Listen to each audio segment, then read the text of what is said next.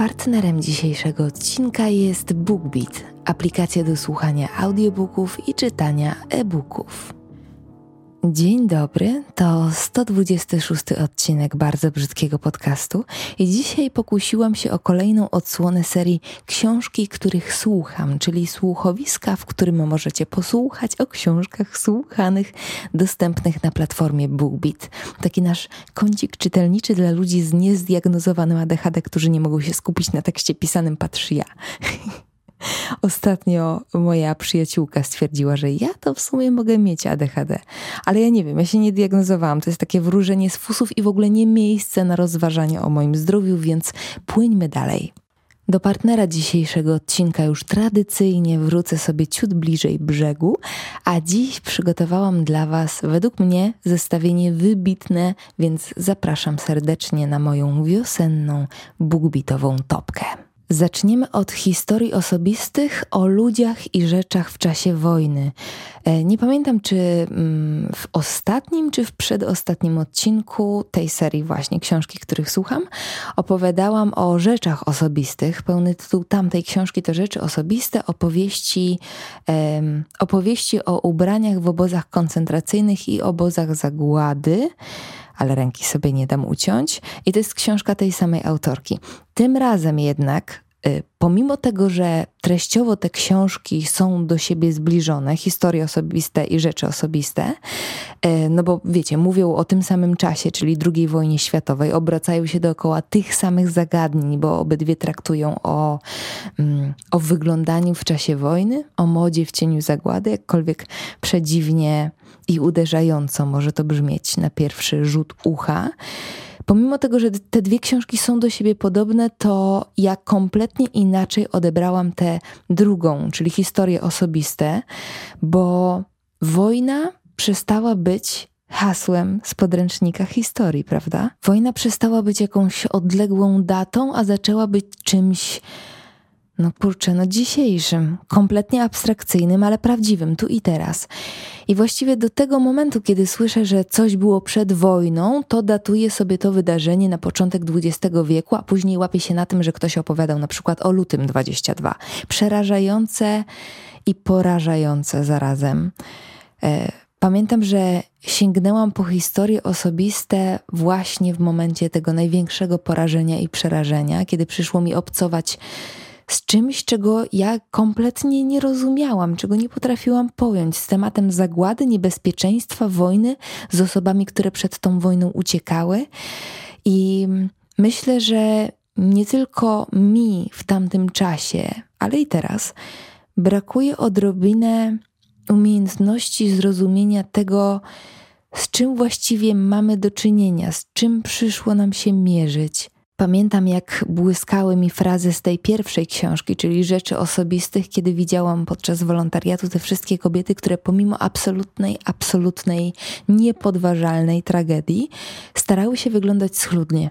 I pamiętam też, jak słyszałam komentarze w stylu: Po co im teraz makijaż? Albo niby takie biedne, a paznokcie zrobione. I właśnie dzięki Karolinie Sulej wiem już, że to nie jest tak, że te kobiety w takich momentach starają się, bo nie mają nic lepszego do roboty, albo wcale ich ta wojna nie obchodzi, tylko to jest jeden z mechanizmów przetrwania. Pamiętam też, jak właśnie z historiami osobistymi w słuchawkach przerzucałam sterty ubrań i wyjmowałam na wierzch te najlepsze dla naszych gościń, jak z absolutnym zrozumieniem obserwowałam w zasadzie moje rówieśniczki albo dziewczyny nawet młodsze ode mnie, które z kartonowych pudeł wybierały dla siebie kosmetyki. To wszystko jest element przetrwania.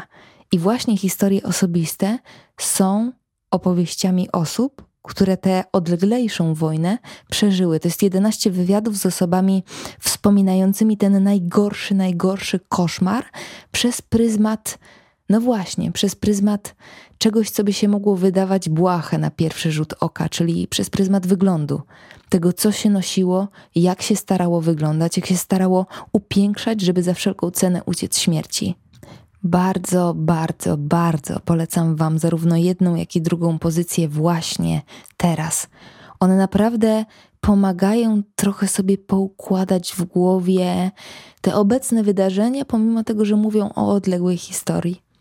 A może wcale nie, może to jest tak naprawdę ta sama historia. Naprawdę serdecznie polecam. Druga pozycja w moim zestawieniu to już beletrystyka, literatura piękna. I jeśli mnie znacie, to wiecie, że takie rzeczy w moim zestawieniu nie pojawiają się często, bo jestem raczej fanką literatury faktu, ale jeżeli już się pojawiają, e, no to uważam, że zasługują na szczególną uwagę. I dziś chciałabym opowiedzieć Wam o książce Gdzie śpiewają raki Deli Owens. I od razu zaznaczam, że to nie jest pozycja dla wszystkich. Trochę werbalnego malowania krajobrazów, trochę dłużyzny, dużo opisów, ale naprawdę, naprawdę uważam, że jest to literatura wysokich lotów. Może najpierw pokrótce opowiem Wam, o czym ta historia opowiada, a później czym ja się tak w zasadzie zachwycam. Otóż historia opowiada o Kii, czyli dziewczynce, której życie, mówiąc najprościej, dokopało jak nie wiem co. Pewnego dnia jako dziecko zostaje zupełnie sama w swoim domu na bagnach w Karolinie Północnej i zaczyna uczyć się życia po swojemu, uczyć się go od natury, a na tych wczesnych etapach, mówiąc kolokwialnie, po prostu walczyć o przeżycie. I jest to historia niesamowicie ciekawa, właśnie od strony tego, jak kształtuje się umysł dziecka, później młodej osoby, w momencie, kiedy do dyspozycji ma właśnie obserwację natury. I nie pamiętam, czy to Wam mówiłam, czy komuś w tak zwanym realu, ale dużo we mnie ostatnio zachwytu nad naturą właśnie. Ja się śmieję, że to już jest ten wiek, kiedy zaczyna się ją kontemplować, analizować kolory, kształty, dźwięki i chyba dlatego, e, gdzie śpiewają raki, tak bardzo ze mną rezonuje, tak mi się wydaje. I też warto zaznaczyć, że to nie jest taki totalny opis przyrody tylko z drzewami i zwierzątkami. W tym krajobrazie zawsze, ale to zawsze czai się człowiek, który też jest jego elementem, bo generalnie cała ta opowieść jest o powiązaniu człowieka z naturą. Ale nie tylko dlatego ten audiobook jest dla mnie szyty na miarę, bo wyobraźcie sobie, że w tym całym sosiku y, opisu fauny i flory Karoliny Północnej tli się wątek kryminalny. No kurde, to jest po prostu dobrze napisana książka i znowu podkreślam, nie każdy będzie podzielał moje zdanie, bo nie każdy lubi rozbudowane opisy. Niemniej, na swoją obronę mogę dodać, że w 2018 roku okrzyknięto ją największym bestsellerem literackim w Stanach Zjednoczonych, więc najwyraźniej nie zwariowałam. No dobrze, to e, teraz e, w naszym emeryckim kąciku literackim pozwolę sobie przeczytać malutki fragment. E, w ogóle najlepiej wybiorę go z początku książki, żeby Wam w ogóle zarysować miejsce akcji, charakter tej przestrzeni, w której rozgrywają się losy kij, bo naprawdę, naprawdę uważam, że to jest przepięknie napisane, więc nie mogę się tym z Wami nie podzielić. Nawet zapytałam Bogbit, czy mogę sobie taki fragmencik wybrać i przeczytać po swojemu, no i się zgodzili. Więc czytam. Ci, którzy szukali normalnej ziemi, ruszyli w głąb i tak owe niesławne moczary stały się niczym sieć wyłapująca zbuntowanych marynarzy, wyrzutków, dłużników i zbiegów umykających przed wojnami, podatkami bądź prawem. Ci, których nie zabrała malaria i nie wciągnęły bagna, utworzyli leśne plemię potomków różnych ras i kultur. Każdy z nich potrafił własnoręcznie wykarczować siekierką mały las lub kilometrami tropić kozła. Niczym szczur wodny miał swoje terytorium, lecz jeśli nie pasował do reszty, któregoś dnia po prostu znikał na bagnach. Po dwustu latach do osadników dołączyli kryjący się na mokradłach zbiegli niewolnicy zwani kasztanami, a także ci, którym zwrócono wolność i którzy bez centa przy duszy trafiali tu z braku lepszych opcji. Kraina może i była wredna, lecz w żadnym razie nie uboga. Na ziemi i w wodzie roiło się od najrozmaitszych stworzeń, biegnących zygzakiem krabów, drepczących w błocie raków, ptactwa ryb, krewetek ostryk, opasłych jeleni i pulchnych gęsi. Ten, kto nie bał się grzebać rękami w szlamie, by zdobyć strawę na kolację, nigdy tu nie głodował. Teraz, w roku 1952, grunty te były zamieszkane od czterech stuleci. Po najdawniejszych osadnikach, tych sprzed wojny secesyjnej, nie przetrwały żadne zapiski. Reszta pojawiła się tu później, głównie po wojnach światowych, gdy do kraju wracali rozbici psychicznie weterani bez środków do życia. Moczary nie ograniczały ich, lecz dawały nową tożsamość i jak każde miejsce święte, głęboko skrywały ich sekrety. Nikogo nie obchodziło, że zajęli tę ziemię, bo i tak nikt jej nie chciał. W końcu było to tylko leżące odłogiem trzęsawisko.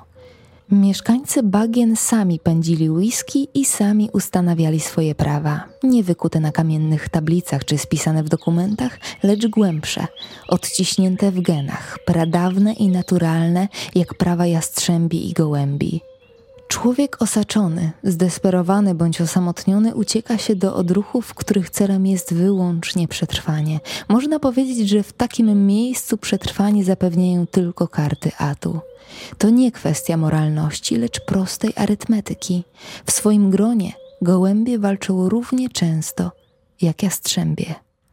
Ładne, co? Moja dziewięćdziesięcioletnia dusza się raduje. A teraz Wam jeszcze dorzucę, że ta książka jest debiutem autorki, o czym dowiedziałam się już po fakcie. Czad, po prostu czad, dla mnie hit. Dobrze, lecimy dalej, a dalej jest pozycja, która będzie mało oczywistym moim wyborem, a będzie nim dlatego, że ja do kościoła mam tak bardzo nie po drodze, że bardziej się już chyba nie da. Oczywiście każdy ma prawo do własnych przekonań, absolutnie szanuję osoby wierzące, ale najdelikatniej i mam nadzieję również dobitnie yy, mogę stwierdzić, że nie poważam tej instytucji. Po prostu. Niemniej, postać księdza Jana Kaczkowskiego intrygowała mnie od pierwszego wywiadu, który, którego wysłuchałam wiele, wiele lat temu. To było chyba 20 metrów kwadratowych Łukasza Jakubiaka. Chyba tak. Po prostu ten człowiek, jako człowiek, nie jako ksiądz, miał w sobie coś, czego nie potrafię w zasadzie nazwać słowami ten rodzaj energii, który poraża w najlepszym tego słowa znaczeniu. I to jest oczywiście moja bardzo subiektywna opinia. Ja go tak odbierałam właśnie na tym energetycznym poziomie. Yy, i kiedy zobaczyłam pozycję Życie na pełnej petardzie w bibliotece Bugbita, to się nie wahałam ani chwili, tylko od razu sobie ją pobrałam. Księdza Kaczkowskiego już z nami nie ma, więc nie mogę liczyć na to, że kiedyś mi się kolejny wywiad na YouTubie wyświetli w proponowanych, więc zafundowałam sobie taki wywiad rzekę, do którego mogę wracać kiedy chcę. I powiem Wam, że pewnie jeszcze jakiś czas temu bym tego nie zrobiła, bo byłam bardzo nastroszona na samo hasło Kościół, ale to, że nie jestem katoliczką, nie oznacza, że na tym etapie życia, w którym teraz się znajduję, że jestem zamknięta na szeroko rozumianą duchowość. Lubię o niej słuchać z różnych źródeł. Nie zgadzam się oczywiście z doktrynami Kościoła, ale uważam, że każda wiara u swoich podstaw ma w sobie niezwykłą mądrość i uważam, że warto z tych różnych źródeł czerpać na własnych zasadach. Oczywiście znowu podkreślam, to jest tylko i wyłącznie mój sposób odkrywania własnej duchowości. Matoleki to jest śliski temat. Ja naprawdę nie mam zamiaru ani chęci nikogo urażać i naprawdę ufam, że pomimo różnic możemy ze sobą rozmawiać, czego bardzo dobrym przykładem jest właśnie ksiądz Kaczkowski absolutnie piękny umysł, szatańska błyskotliwość i myślenie trochę pod prąd, yy, trochę po swojemu co w strukturach kościoła oczywistością żadną miarą nie jest. Ja tego audiobooka traktuję mm, bardziej jak książkę filozoficzną, jako krytykę kościoła również, E, jako receptę na to tytułowe życie na pełnej petardzie, a nie po prostu wywiad o życiu tego, tego księdza. Uważam, że jest naprawdę warte uwagi, nawet jeżeli nie pod wszystkim, z mojego punktu widzenia, jestem w stanie się podpisać. Naprawdę polecam. Ja, ateistka. No dobrze, lecimy dalej. Mam wrażenie, że życiowe poradniki to już jest taka nasza mała tradycja w serii książki, których słucham. I pomimo tego, że wiem, że ta kategoria budzi wasze mieszane uczucia, to i tak będę do niej wracać. E, co jest, wiecie, trochę jak z tym księdzem Kaczkowskim. To nie jest tak, że jak coś usłyszę, to wskakuję w to całą sobą na łeb, na szyję, ale uważam, że takie treści zostawiają w mojej głowie takie małe koła ratunkowe, które przydają mi się często w najmniej oczekiwanym momencie. Zatem dziś chciałabym opowiedzieć Wam o książce doktora Briana Kinga Jak sobie radzić ze stresem i nie zamartwiać się na zapas. Naprawdę już dawno nie słyszałam tytułu, który byłby tak idealny dla mnie i domyślam się, że dla części z Was również, bo bądź co bądź mm, dużo z Wami gadam i wiem, że bywacie takimi samymi życiowymi dupkami, bo i dupkami jak ja. Zatem ta książka, ten poradnik jest dokładnie o tym, o czym jest tytuł. Brian King w sposób bardzo zabawny, wręcz stand-uperski, przeprowadza nas przez, mm, przez architekturę naszych lęków i odziera ją z tego przeświadczenia, że musisz się bać, musisz się martwić. Niestety trochę tak zostaliśmy zaprogramowani przez biologię, przez matkę naturę, trochę przez kulturę, trochę przez to, czym, wiecie, skorupka za młodu nasiąkła, ale naprawdę da się nad tym pracować. W tym audiobooku podoba mi się to, że to nie jest takie czcze gadanie, wróżenie z fusów, jak ja to lubię nazywać, ale treści poparte nauką, bo autor jest doktorem neurologii i psychologiem, więc te jego często zabawne scenki sytuacyjne są jednak okraszone garścią informacji czysto naukowych, e, ale przedstawionych w taki sposób, że ja je rozumiem, a jak ja je rozumiem, to wy też zrozumiecie. No i przede wszystkim dzięki tej lekturze jesteście w stanie nauczyć się technik, które trochę pozwolą Wam nad tymi lękami zapanować. To, co jeszcze mi się bardzo podobało, e, a niestety jest rzeczą rzadką w tej kategorii książkowej, to wzmianka już na samym początku, że niniejsza treść nie jest substytutem terapii. I uważam, że to jest bardzo ważne i powinno pojawiać się zdecydowanie, zdecydowanie częściej, bo wiecie, po poradniki sięga się przeważnie w momentach jakiegoś kryzysu, a nie zawsze są na niego lekarstwem. Niemniej uważam, że na luzie, a właśnie, bo książka nosi tytuł Na luzie, a to, co jest później, to jest y, podtytuł. Jest na luzie, jak sobie radzić ze stresem i nie zamartwiać się na zapas. Tak, to tak brzmi. Pokręciłam wszystko. Um, jeszcze zostawię Wam oczywiście tytuły w opisie tego odcinka, to sobie znajdziecie. E, więc o czym mówiłam? A, wiem, że ta książka mm, pozwala uporządkować pewne mechanizmy nazwać je, a jak już nazwiesz ten proces w tobie, to zwyczajnie łatwiej nad nim zapanować. Tak myślę. Zatem polecam. I już ostatnia pozycja dzisiaj, która nie jest audiobookiem, ale wiecie, no leży na bułbitowej półce z innymi słuchanymi lektorami, więc czemu nie? O swojej medytacyjnej drodze wspominałam już nie raz i nie dwa. Oczywiście wciąż w tych opowieściach ślizgam się po powierzchni. Jeszcze nie jestem gotowa, o ile kiedykolwiek będę, żeby wejść w to, na forum publicznym nieco głębiej, czyli tak jak tę podróż faktycznie przeżywam. A no ale wiecie, jeżeli mnie znacie, słuchacie y, nie od dziś, to wiecie, że. Ojejku, fus z kawy. Ojej. Um, I się wy, wy, mm, wyrwałam z, z, z flow mojego mówionego. E, aha, no tak, że jeżeli mnie nie znacie od dziś, e, to wiecie, że medytacja należy do mojej codziennej rutyny. I jak wchodzimy w technikalia, e, to lubię medytować z czymś na uszach. Cisza mnie rozprasza. Lubię sobie skupienie budować albo na medytacji prowadzonej, albo na określonych dźwiękach, muzyce. Mm, niemniej, jakościowych rzeczy do medytacji w sieci, według mnie, nie ma dużo. W sensie ja mam wrażenie, że momentami wyczerpuję ten zasób, który mnie jakkolwiek cieszy. Dlatego, kiedy zobaczyłam Sound Medicine, to aż krzyknęłam z ekscytacji. Sound Medicine to jest um, 14 ścieżek, które w sumie trwają 11 godzin. Sama muzyczka, taki ambient, wibracje, jak zwał, tak zwał. Oczywiście niektóre ze mną wspaniale rezonują, inne wcale, ale są naprawdę, naprawdę dobre, jakościowo, głębokie. Więc jeżeli ktoś z Was szuka nowych podkładów pod właśnie praktyki medytacyjne, mm, to polecam również. Mm, nie wiem, czy coś mogłabym więcej powiedzieć na ten temat. To są po prostu ambienty do medytacji. Prosta, mała rzecz, a cieszy, więc może ucieszy jeszcze kogoś z Was. I tyle. Pozycje, o których opowiedziałam w tym odcinku, śmiało mogę nazwać moim aktualnym top 5, bo naprawdę uważam, że w tym razem udało mi się z BookBeatowej biblioteki wygrzebać prawdziwe perełki. Więc jeżeli macie ochotę wysłuchać którejś z nich, a najlepiej wszystkich, no to śpieszę z informacją, że z kodem brzydki 30 dni w BookBeat macie za darmo.